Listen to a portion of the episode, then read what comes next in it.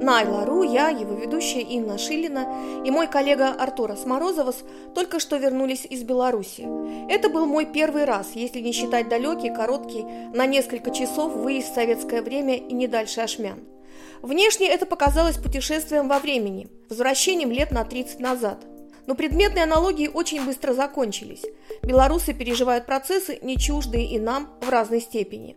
В 90-е годы в Литве мы были заняты своей политической молодостью своей влюбленностью и не прониклись драмой соседа, который переживал тогда такие же чувства, но позволил себя испугать ими и накликал сторожа в виде мифологического дракона, а в борьбе с драконом видны только борьба и сам дракон. Эта коммуникация со стороны недостаточно репрезентативна, а многомерностью ее наделяют люди, все гражданское общество, которое ошибочно сужают до оппозиции. С ними всеми мы поехали говорить. Красный потому и красный, что впитывает в себя все цвета светового луча, кроме красного. Но часто ли мы думаем об этой его постоянной работе? Что впитали, а что еще или уже отражают люди, которые ходят по улицам Ленина и Карла Маркса в Минске, живут на тракторном заводе или манифестируют на Октябрьской. И даже придумывают свою конституцию, по примеру, Заречной Вильнюсе. Ну вот мы, собственно, близки уже к э, такой тоже своей конституции, которая там есть в живописи, но она там... Но здесь, конечно, в нашей конституции мы все-таки немножечко хотим прописать правила, потому что ну, людям, которые жарят шашлык на проезжей части, сказать, что собака имеет право быть собакой, а кот там котом, немного не сработает.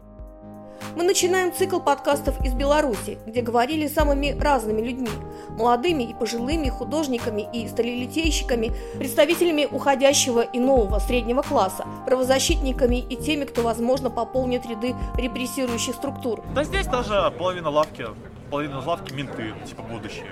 Половина чего? Ну вот а, это место называется лавкой, да? Да. Из-за того, что кафе-лавка рядом. Аудитории, типа, будущие правоохранительные органы. Почему? Ну, я не знаю, просто так проще.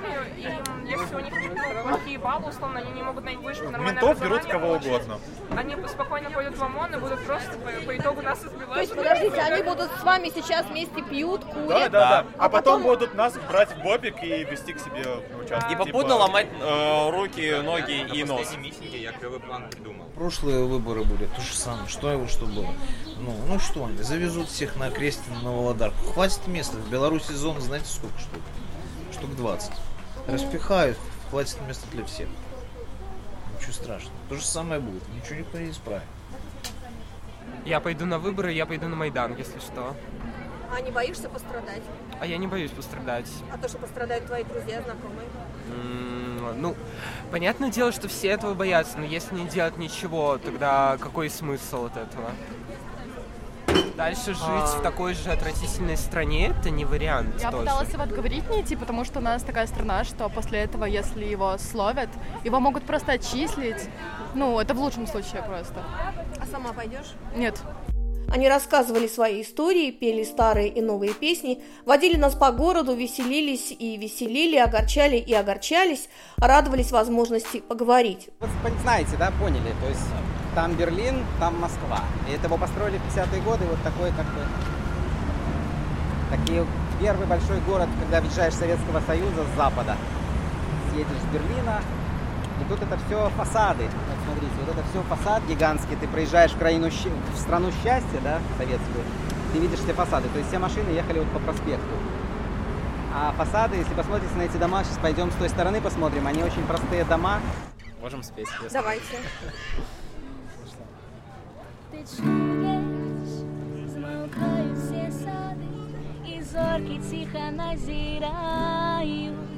Глядиш мне, і подих теплині вабить нас, і ми у очаї. Ти бачиш, у світі тільки ми, і нас одних нема на світі. Первый разговор состоялся с представителем наиболее известной белорусской правозащитной организации «Весна» об особенностях протестов перед этими президентскими выборами, которые состоятся уже через две недели, 9 августа, о тех, кто и почему подписывается под фальсифицированными протоколами по подсчетам голосов, а также о чем не говорят кандидаты в президенты. Влади- да, Владимир Лобкович, координатор кампании «Правозащитники за свободные выборы» и юрист правозащитного центра «Весна Беларусь». Давно существует ваша организация? Ой, мы одна из крупнейших э, организаций, старейших организаций. Наша организация существует с 96 года, с 1996 года, и вот мы с этого времени работаем, у нас были разные ситуации в нашей жизни. Например, в 2003 году мы были лишены аккредитации, ну и у нас был такой достаточно драматический период, когда руководитель нашей организации Олесь Беляцкий был арестован и за правозащитную деятельность три с половиной года после событий в Беларуси в 2010 году. Как раз тоже Это который сегодня выборы. Лукашенко или вчера комментировал, что тогда вышли каких-то там 400 каких-то там... Да, и остальное зеваки было. Хотя на самом деле, да, там было 60 тысяч, там под 50 тысяч человек. Это была очень большая акция. И после нее начались с 2010 года очень тотальные репрессии. На нашем офисе было 5 обысков за там, А несколько чего это он вдруг сейчас об этом вспомнил? Почему возник? Но он проводит аналогию с сегодняшними событиями, потому что тогда поляризация общества была тоже очень большая, но не сравнить, конечно, с тем, что происходит сейчас. Такого не было в Беларуси никогда, я уже ну, давно. Это были акции на фоне того, что было ощущение либо реально, либо такая была реальность, либо люди так воспринимали реальность, что у власти есть большинство, что оно имеет право говорить от имени большинства. И это выступление, это выступление меньшинства, которое выступает за свои права. То теперь это абсолютно другая абсолютно э, ситуация, она и выглядит совершенно по-другому. Общество тотально э, против, особенно в Минске. На самом деле акция носит достаточно хаотичный и э, другой характер. Сколько людей, это не так э, важно. К примеру, то, что отличает от того, что было раньше. Никогда эти акции не были, э, в лучшем случае они были в областных городах. Но, но в данном случае эти акции синхронно начинаются во всех городах Беларуси, даже в тех городах, в которых никогда, может, лет за 20 ни разу не было оппозиционного митинга. А сейчас люди проводят эти митинги, там, и таких городов много. То есть география всей страны однозначно присутствует. Если раньше это были там, демонстрации Минска и в лучшем случае, в лучшем случае, двух-трех больших областных городов, ну, Гродно, Брест, к примеру, к примеру, Гомель, там, то в данном случае эти города сейчас называются само собой. Потому что там акции происходят без... Понятно, что там они тоже происходят, само собой разумеющиеся, но они стали проходить в маленьких городах, в которых вообще никогда ничего не было. Там Жлобин, Рогачев, э, Светлогорск. Это города, в которых даже, может, партийных, оппозиционных ячеек никогда не было, потому что там не было никаких там групп поддержки. И теперь люди сами э, выходят. Такого, это, конечно, большое и существенное отличие. Потом те, то, что мы наблюдали во время сбора подписей, потому что по белорусскому законодательству, чтобы человек стал кандидатом в президента, он должен собрать 100 тысяч подписей. И это происходит то, что на протяжении месяца люди, либо а, сборщики обходят квартиры, либо пикеты стоят на улицах, и граждане могут подходить и со своими паспортами и оставлять подпись за выдвижение кандидатов. Я никогда, вот просто никогда не видел очередей. В центре города там в течение трех-пяти часов постоянно в очереди стояло две с половиной тысячи тысячи человек. Это не одни и те же люди. Это только власть у нас рассказывает, что одни и те же люди, которые расписались, становились в, э, в конец колонны для того, чтобы по- получилась картинка, как они выражаются. То есть это, условно говоря, что постоянно одни уходили, другие приходили, но эта очередь держалась около там, двух с половиной тысяч человек в течение всего пикета пока он был. И, конечно, такого не было никогда. Никогда не было такого активности бизнеса, который в открытую там заявляет, либо в той или иной форме поддерживает.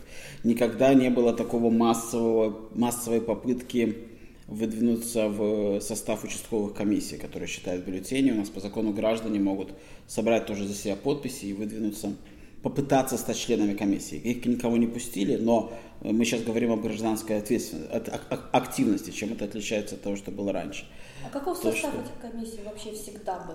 Он Кто всегда и за- остается, и остается сейчас э, абсолютно неизменно. Это состав проверенных людей, которые формируются э, из, из полку- э, местными органами власти, то есть президентской вертикалью, из э, госслужащих, э, Учителя учителя процентов 70. Понимаете, система работает таким образом, что она работает, эти люди не фальсифицируют выборы все. Они работают по принципу круговой поруки. То есть такая еще с советских времен круговая порука. Как формируется эта комиссия? Люди формально выдвигаются разными путями. Там, условно говоря, там кто-то выдвинулся от этого предприятия, кто-то выдвинулся от общественного объединения, там, Союза женщин, к примеру. Кто-то там выдвинулся сбором подписей граждан. Формально они все выдвинулись разными путями. Они формально все как бы общественники, как любит говорить власть. Но они все являются учителями этого одной школы. И директор этой школы, по счастливой случайности, всегда является председателем или завуч, председателем этой участковой комиссии.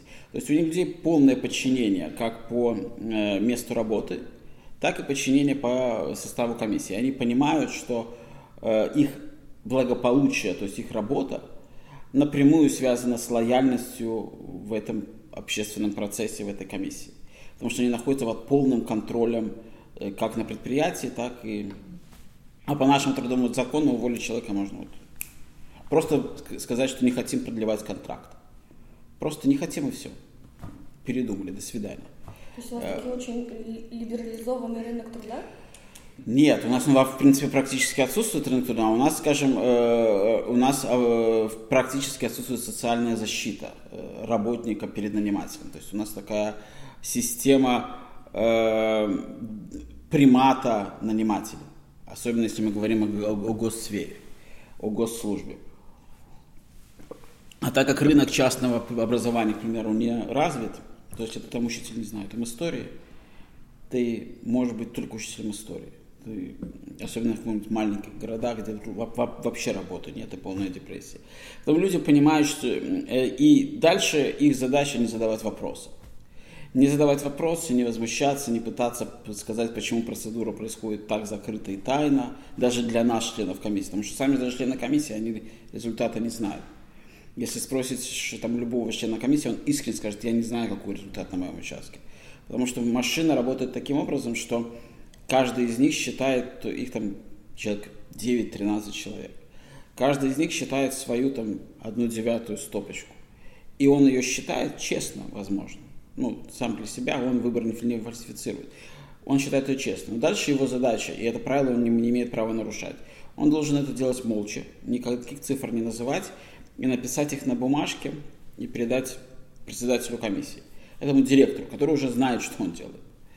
Потому что он часть этой порочной абсолютно системы. А дальше он э, уже единственный в тишине сводит эти 9 бумажек и выдает эти цифры.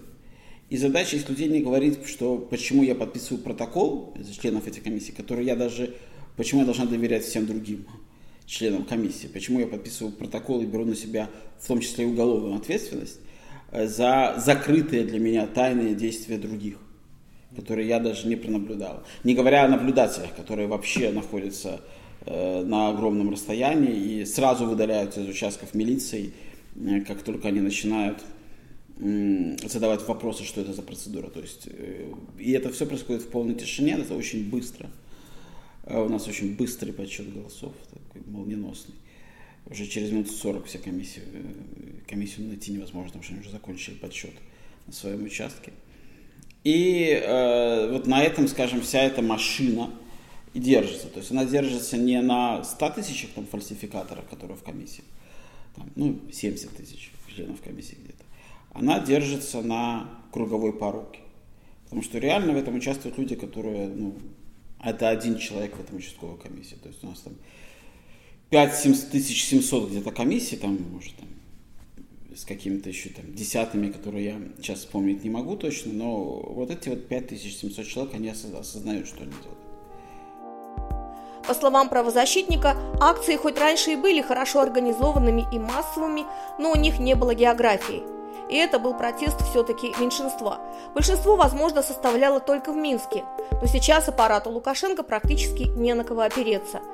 Последней каплей для населения, по мнению Владимира Лобковича, была реакция властей на коронавирус, которые, как известно, официально не признавали факт пандемии, но начали некоторые манипуляции накануне голосования.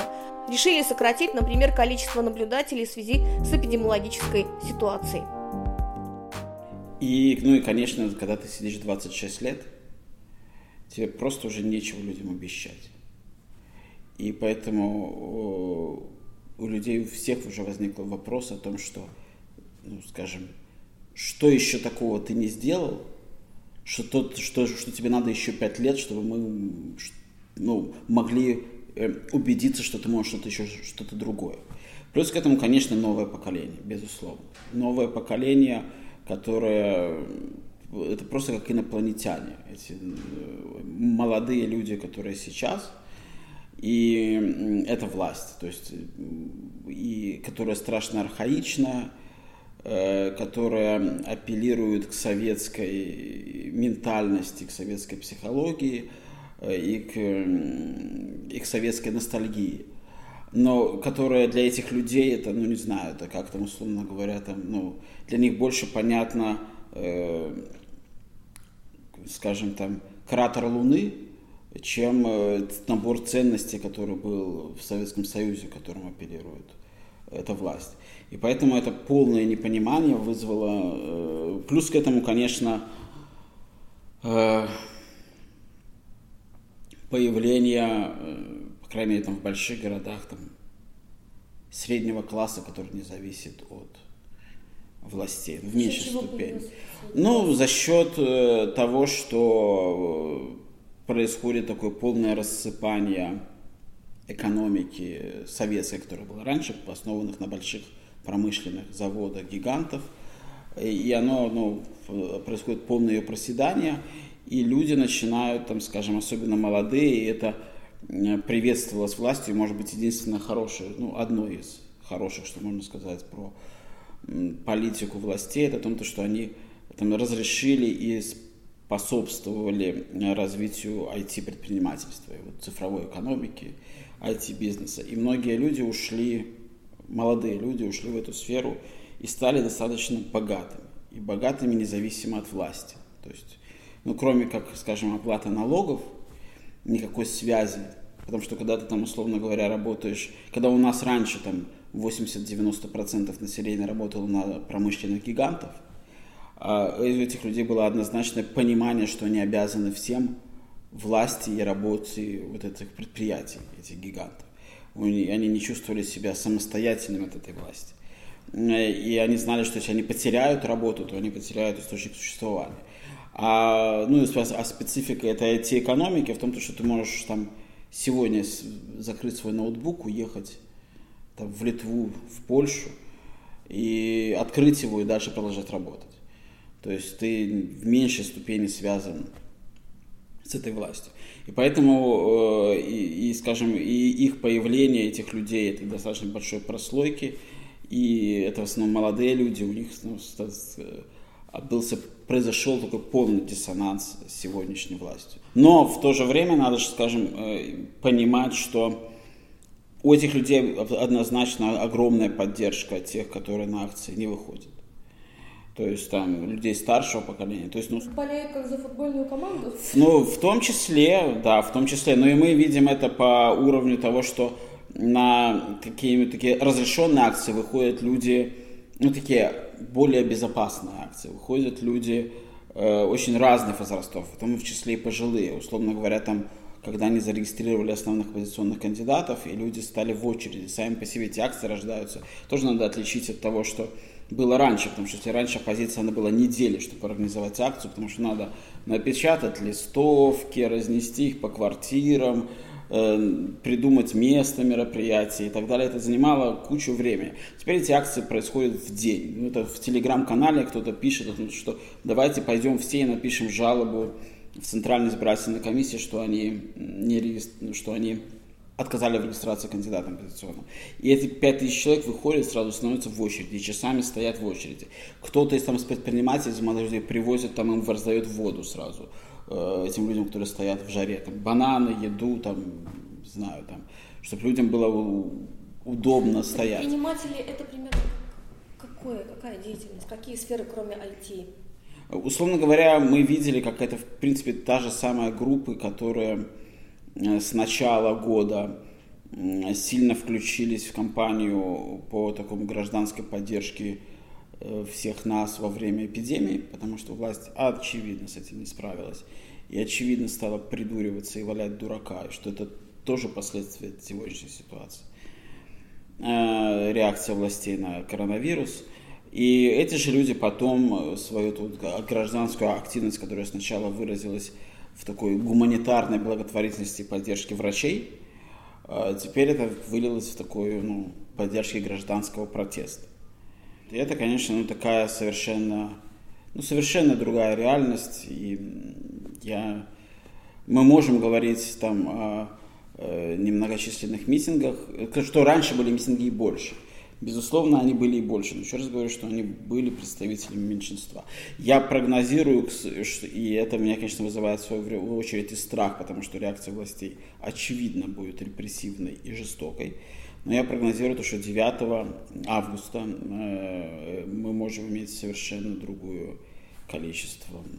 Ну, такое количество, которое в Беларуси, возможно, не было со времен начала 90-х годов, когда рушился Советский Союз, и создавалось, там, скажем, это было ну, новая реальность, новое государство, когда нас тогда были, да, там, очень многочисленные митинги – Э, против там, советской власти. Но, скажем, с этих времен мы, я думаю, что это будет, могут быть очень, очень большая акция. И, конечно, это э, ну, вызывает такое опасение у нас, как у правозащитников, потому что ну, мы прогнозируем огромное количество, ну, усиление репрессий на порядок, даже по сравнению с тем, что есть сейчас. Решиться на какие-то насильственные действия? Безусловно. Я в этом просто убежден, что вопрос власти, вопрос власти для него первичен и для этих людей. И... Если вот начнется стрельба, то это Но... Ну, не станет, например, наоборот, поводом выйти остальным? Не знаю.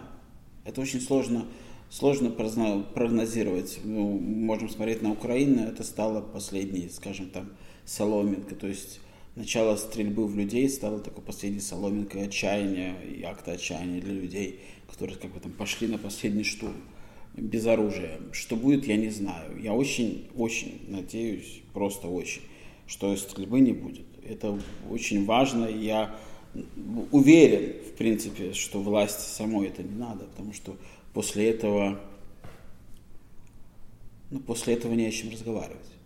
Условно говоря, даже если ты там победишь, после стрельбы, то э, если ты победил только стреляя в мирных людей, то после этого не о чем больше разговаривать. И я думаю, что даже для этой власти это ну, там, too much. Тем более, то, что надо же понимать, что ну, скажем, природа и белорусского общества, и как бы традиции протеста, он будет однозначно мирным. Однозначно. Даже если он будет массовый и решительный в плане того, что люди будут... Вообще, когда, конечно, посмотришь на действия ваших, вашего ОМОНа, или как он там называется, да, так называется. То, то они, мне даже кажутся более жестокими, чем московские. Безусловно. Ну, безусловно, и мы, как правозащитники, мы же тоже как бы там в контакте с нашими коллегами правозащитными. Конечно, безусловно, это одна из самых жестких э, таких маш аппаратов. Ну, есть специалисты, но это же тоже не проблема. То есть, скажем, э, натренировать, обучить. Э, у нас же у нас закрытая система, то есть у нас гражданское общество не имеет никакого контроля над э, органами власти, тем более силовыми. То есть никакого общественного контроля за этими структурами не существует даже минимального. Поэтому кто их обучает, как их обучают, мы знать не знаем никто.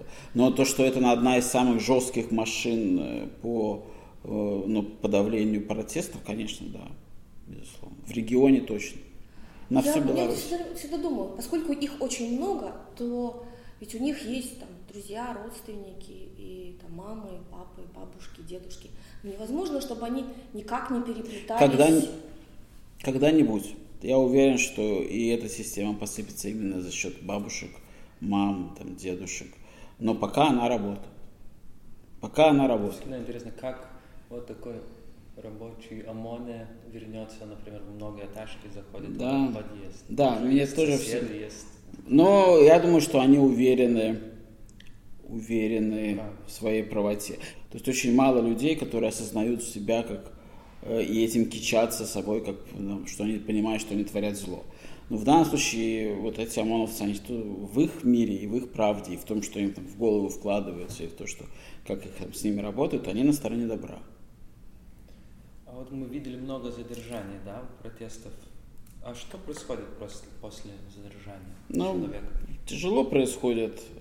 Многие из них подвергаются, безусловно, пыткам, то, что понимается в международном праве, как пытка или иное бесчеловечное обхождение, обращение, извините, просто по-белорусски. И по-разному происходит. То есть ну, все проходят просто такое унижение, и там достаточно такая карательная система, они, они любят людей ломать. Те, которые находятся в тюрьмах, они находятся в очень тяжелых условиях. Особенно сейчас, когда под видом э, это, противоэпидемиологической обстановки эти тюрьмы практически закрыты для адвокатов, для передач, чтобы можно было воду передать, какие-то средства гигиены, медицину какую-то там передать. Все это очень закрыто. И это все, конечно, безусловно, нас тоже, как правозащитников, сильно волнует, и мы на это постоянно обращаем внимание белорусских властей, и международные органы о том, что, ну, скажем, это недопустимо. Но, да, ситуация достаточно жестокая. Мы знаем, фиксируем случаи избиения задержанных уже после задержания, не в процессе задержания, а после задержания. То есть, ну, скажем, хорошего там мало, ничего хорошего. А что дальше происходит? Вот даже там кого-то отпускают часов там через пять. Ну, часа 3-5, да. А, некоторых отпускают с протоколами, то есть на них составляется протокол, чтобы потом их держать на крючке. Можно было всегда этот протокол достать и отправить уже на под арест. Некоторых отпускают без протокола, счастливчиков. А кому-то... А кому-то грозит 15 суток административного ареста, а некоторые у нас, у нас же они так хитро трактуют закон, что можно сидеть там месяцами под административным арестом. То есть они делят твое какое-то одно правонарушение на несколько частей. Там, условно говоря, там неповиновение сотрудникам милиции. Один протокол. Участие в демонстрации. Не, не, не санкционирован. Второй протокол. Условно говоря, там мелкое хулиганство. Что там, они придумают, что там кого-то там послал нехорошими словами. Третий протокол. По каждому из этих протоколов отдельно мы выносим по 15 суток. В сумме получаем 45 суток ареста. Формально по закону это запрещено, потому что больше, чем 25 выносить нельзя. Но они говорят, это нельзя в одном заседании, а мы проводим три разных, в разные дни. Сначала даем человеку 15 суток, отправляем его сидеть. А на следующий день проводим еще один э, судебное заседание и довешиваем. И так получается там 45. Например, там Павел Северинец, один из лидеров оппозиции, у него более 100, там, более 100 суток уже насобиралось за все это время. И он, он тоже признан политзаключенным, и хоть и по административным этим протоколам. Ну а самое худшее это тем, которые оказывали сопротивление в той или иной форме, защищали, да, защищались от милиции. Ему грозит уголовное наказание. И это, конечно, вообще уже, конечно, совершенно другая какой история. смысл в вашей работе? Вы вообще способны повлиять на что-то? Ну, конечно, я уверен, что если бы наша работа не была, тут бы Узбекистан уже был. Ничего не хочу сказать плохого про Узбекистан. Но политическая обстановка – это хорошая страна, но политическая обстановка и уровень прав и свобод там пониже даже, чем в Беларуси. И поэтому, конечно, без правозащитной работы эта ситуация была бы абсолютно чудовищной. Плюс к этому мы, в принципе, единственные, кто помогают людям в этих условиях, которые ну, находятся а как там. вы сейчас можете помочь, если вас не пускают? Рано мы можем закрыли. адвокатов, мы, можем, мы, мы помогаем адвокатов, а мы проламываем, постепенно, постепенно пускают. То есть у нас дня три не пускают, потом на один день пустят. Так вообще не, не было бы никаких адвокатов. То есть, условно говоря, ну, я считаю нашу работу просто особенно сейчас это показано, о том, что мы все наши там 25 лет существования точно существовали не зря. 23 года. Мы помогаем родственникам найти своих родственников, которые задержаны в тюрьме. Мы сопровождаем потом этих родственников через весь этот ад, который надо пройти, чтобы добиться помощи. Э, какой-то э, наши отчеты, наша аналитика базовые для э, реакции, международной реакции на события в Беларуси. Без этого ее не было, потому что не было бы фактуры, которую можно было бы предъявлять. Поэтому ну, я считаю, что сейчас в Беларуси это два очень, два очень важных института. Это независимые жур СМИ и э, правозащитное сообщество. Это не только мы, это все наши коллеги и все там правозащитное движение Беларуси, которое, безусловно, является одним из самых сильных и ярких во всем гражданском обществе Беларуси, но это потому, что есть, к сожалению, есть востребованность. Как А сколько мы сможем. Да, потому что в 2010 году э, большинство адвокатов, которые работали по, э, по событиям 2010 года, э, когда лидеры оппозиции и кандидаты в президенты были обвинены в организации массовых беспорядков, э, все эти адвокаты были в той или иной ступени репрессированы и лишены права на профессию. Они были, у них были отобраны лицензии. Многие из них и стали золотым фондом правозащитных организаций, потому что они ушли работать правозащиту. И в нашей организации, и в других организациях работают такие правозащитники. Поэтому и сейчас уже вовсю идут угрозы адвокатам и со стороны э, официальной коллегии адвокатов, которая не защищает их и не представляет их интересы, впрочем, как и в 2010 году, а э, пытается, там, скажем, увещевать их и давить на них, чтобы они не сильно хорошо исполняли свою работу и не задавали вопросов, почему их не пускают. Интересно, а вот общество белорусское, насколько оно способно какой-то своей активной частью хотя бы объединиться вокруг женщины, которая пришла в это, я даже не знаю, в этот процесс, вошла в этот процесс, как она сама говорит, ради любви. Дело не в женщине. Э, Я не знаю, э, скажем, я уверен, что те люди, которые сейчас поддерживают Светлану Тихановскую, к примеру, они ее не, по- не поддерживают, потому что она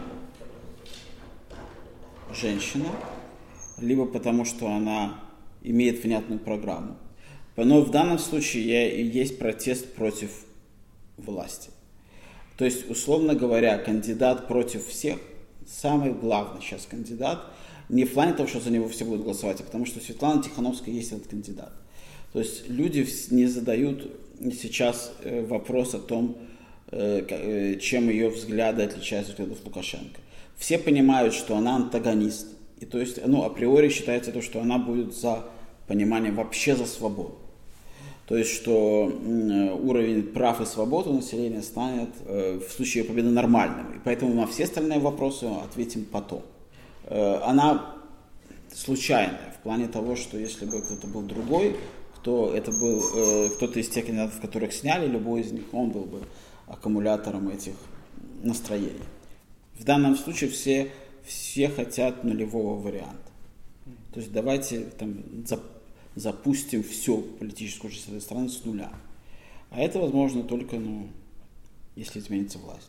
Вот она этот нулевой вариант для людей. Как- какой помощи, вы думаете, или вы ожидаете своих соседних стран, как Литва, Польша? То есть это у нас тоже много инициатив есть, там были э, парламентарии за политзаключенных. Да, да, я знаю. Но на самом деле лит- литовский политикум и польский очень сильно включен в такую в контакты со, там, со своими партнерами из белорусской оппозиции. И вообще очень, как страны-соседи, часто формируют э, позицию по отношению к Беларуси Европейского Союза, сильно на нее влияют, потому что, ну, безусловно, там для стран Южной Европы, к примеру, там Беларуси, проблемы Беларуси не так очевидны и важны, как чем для тех государств, которые находятся с нами в одном восточноевропейском регионе. Плюс к этому, ну, все-таки общая история э, нахождения там в Советском Союзе, и она э, обо многом, скажем, ну, делает понимание нашей ситуации проще для, для литовцев, поляков, там, латышей.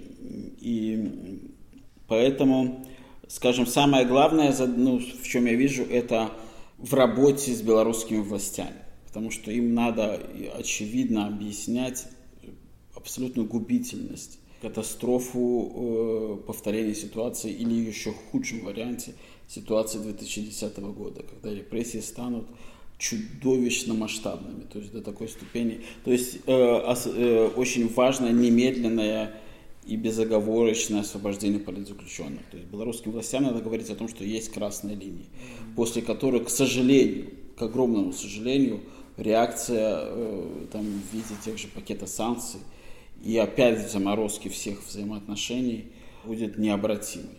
Потому что с этим уже нельзя будет мириться. Мне интересен такой вопрос.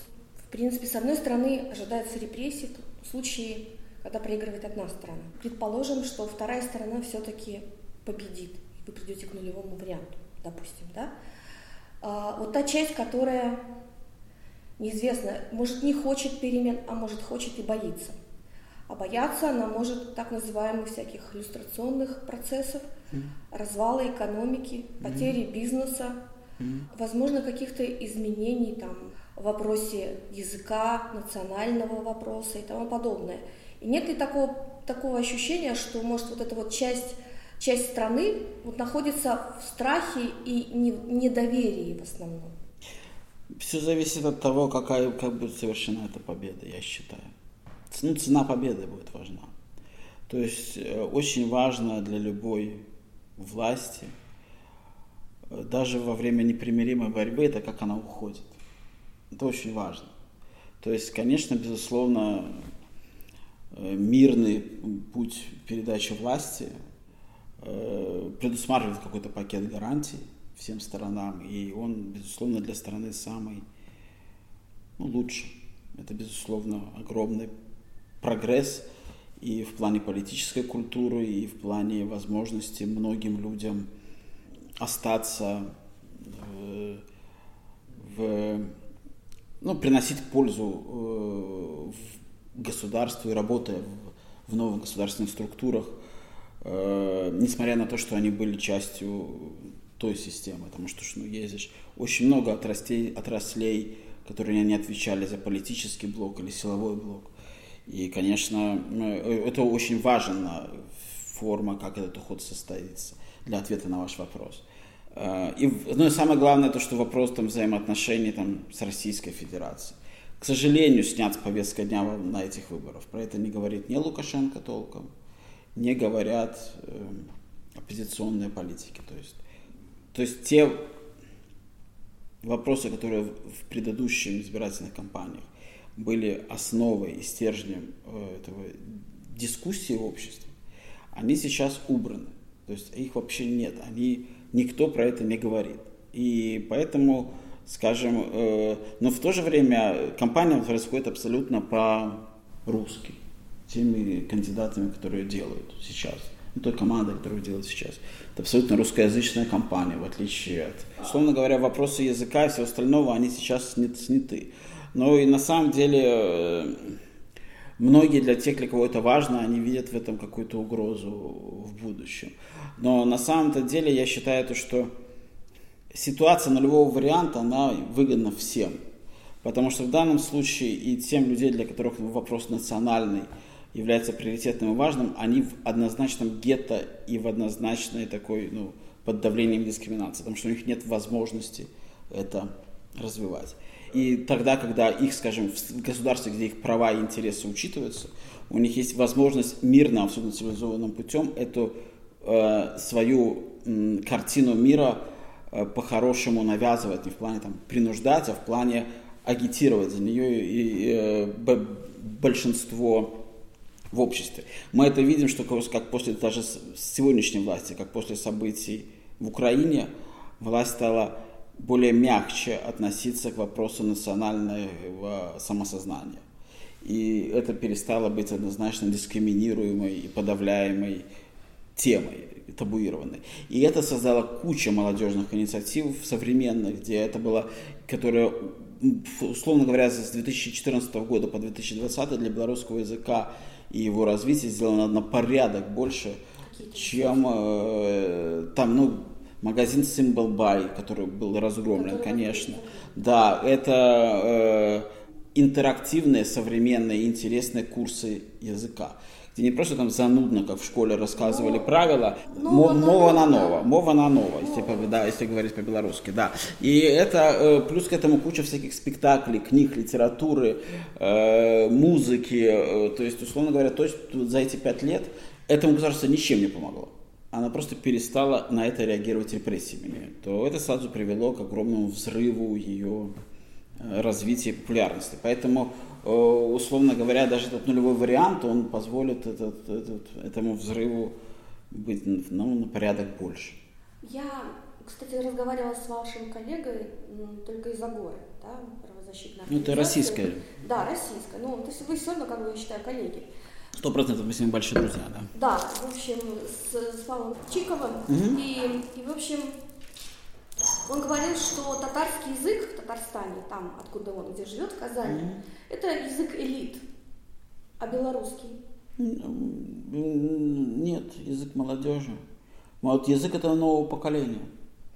Если раньше это был язык сельского населения, и это был такой язык социально там, слабой части общества. Э, То есть те, которые не имели образования, потому что, ну, вообще это с советских времен пошло, и там это стало таким тотальным таким нарративом о том, что если ты хочешь сделать карьеру, стать успешным, учиться в университете, ты должен э, быть русскоязычным. Только так у тебя есть возможность. То, э, и, и поэтому, скажем, когда в начале 90-х, то носителем языка была только интеллигенция и это вот сельское население. То есть интеллигенция, которая это сохраняла и э, не давала этому умереть и развивала своих там этим своей там суполке, своей группе, но и население, которое им пользовалось, э, часто стесняясь этого, когда переезжали в город, пользовалось по, как язык своего места рождения, своей деревни. То сейчас это нет, сейчас это язык, это модно, в хорошем смысле слова, это как раз вот заслуга вот этих всех программ и компаний. Это модно, это не воспринимается больше агрессивно, это, ну, ну так, как рок-н-ролл. А вы говорите? Я в основном говорю по-белорусски, просто ну, А сейчас. Да, у меня их даже много, и так, трое, по белорусским меркам, да. Трое, э, да, конечно. С младшими так хорошо не получилось, но старшая дочь, она там долгое время даже не понимала, ну, лет до пяти у нее была, она, она была исключительно, не знала русский язык. Вот когда был развал Советского Союза, был же такой подъем, да? Да. Ощущение свободы. Как долго у вас вообще витал вот этот вот дух свободы? До 96 года. Лукашенко стал президентом на первых демократических выборах 94 года. И я это хорошо время помню, потому что, ну, скажем, я еще тогда был студентом, потом уже был студентом. Но тогда я был школьником старших классов. И и я хорошо, там, скажем, помню это время. То есть даже он еще не сразу этот дух разрушил. Это не началось сразу. Но белорусы, да, мы испугались э, перемен. Он пообещал вернуть, что будет все так же, как в Советском Союзе. Люди испугались новой реальности, где они должны были отвечать за себя сами в основном, где государство отыгрывало все меньше и меньше роль и переставало быть- патерналистской, где государство, которое говорило, что окей, мы создадим вам все, что мы можем, особенно сейчас, когда мы бедные, это создать вам правила игры, то есть там свободный бизнес, э, свободные законы, там независимый суд, А, но мы вам больше ничем помочь не можем, потому что мы бедные. И, люди, и тут пришел человек, который сказал, то, что это все ерунда. Мы, я вам верну э, там, 8-часовой рабочий день, э, нуль- почти нулевую безработицу, э, пенсии э, и бесплатную медицину. И, а, и людям захотелось опять вот там в Брежнев, в те времена.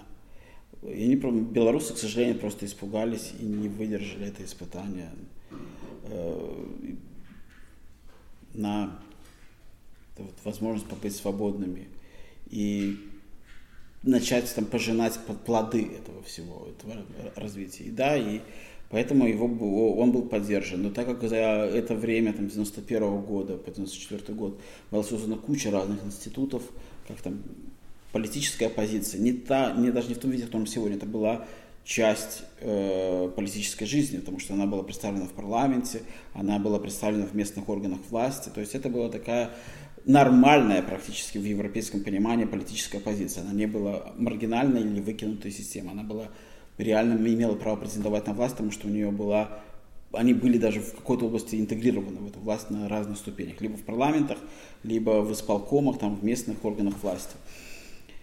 И поэтому вот до 96 года, когда это все давилось и крушилось, Лукашенко, когда он изменил Конституцию под себя в 96 году, это Какие было... там были основные изменения? Но основные изменения это практически деградация парламента, его роли в политической жизни общества и, и неограниченная власть президента над всем, то есть над э, Как он так успел за два года почувствовать столько, столько самом- вкуса власти? У него была, ну, у него была огромная, это да, надо, надо тоже признавать поддержка общества. То есть он э, мог опирать, он мог делать это все, потому что на тот момент, конечно, у него была большая поддержка общества.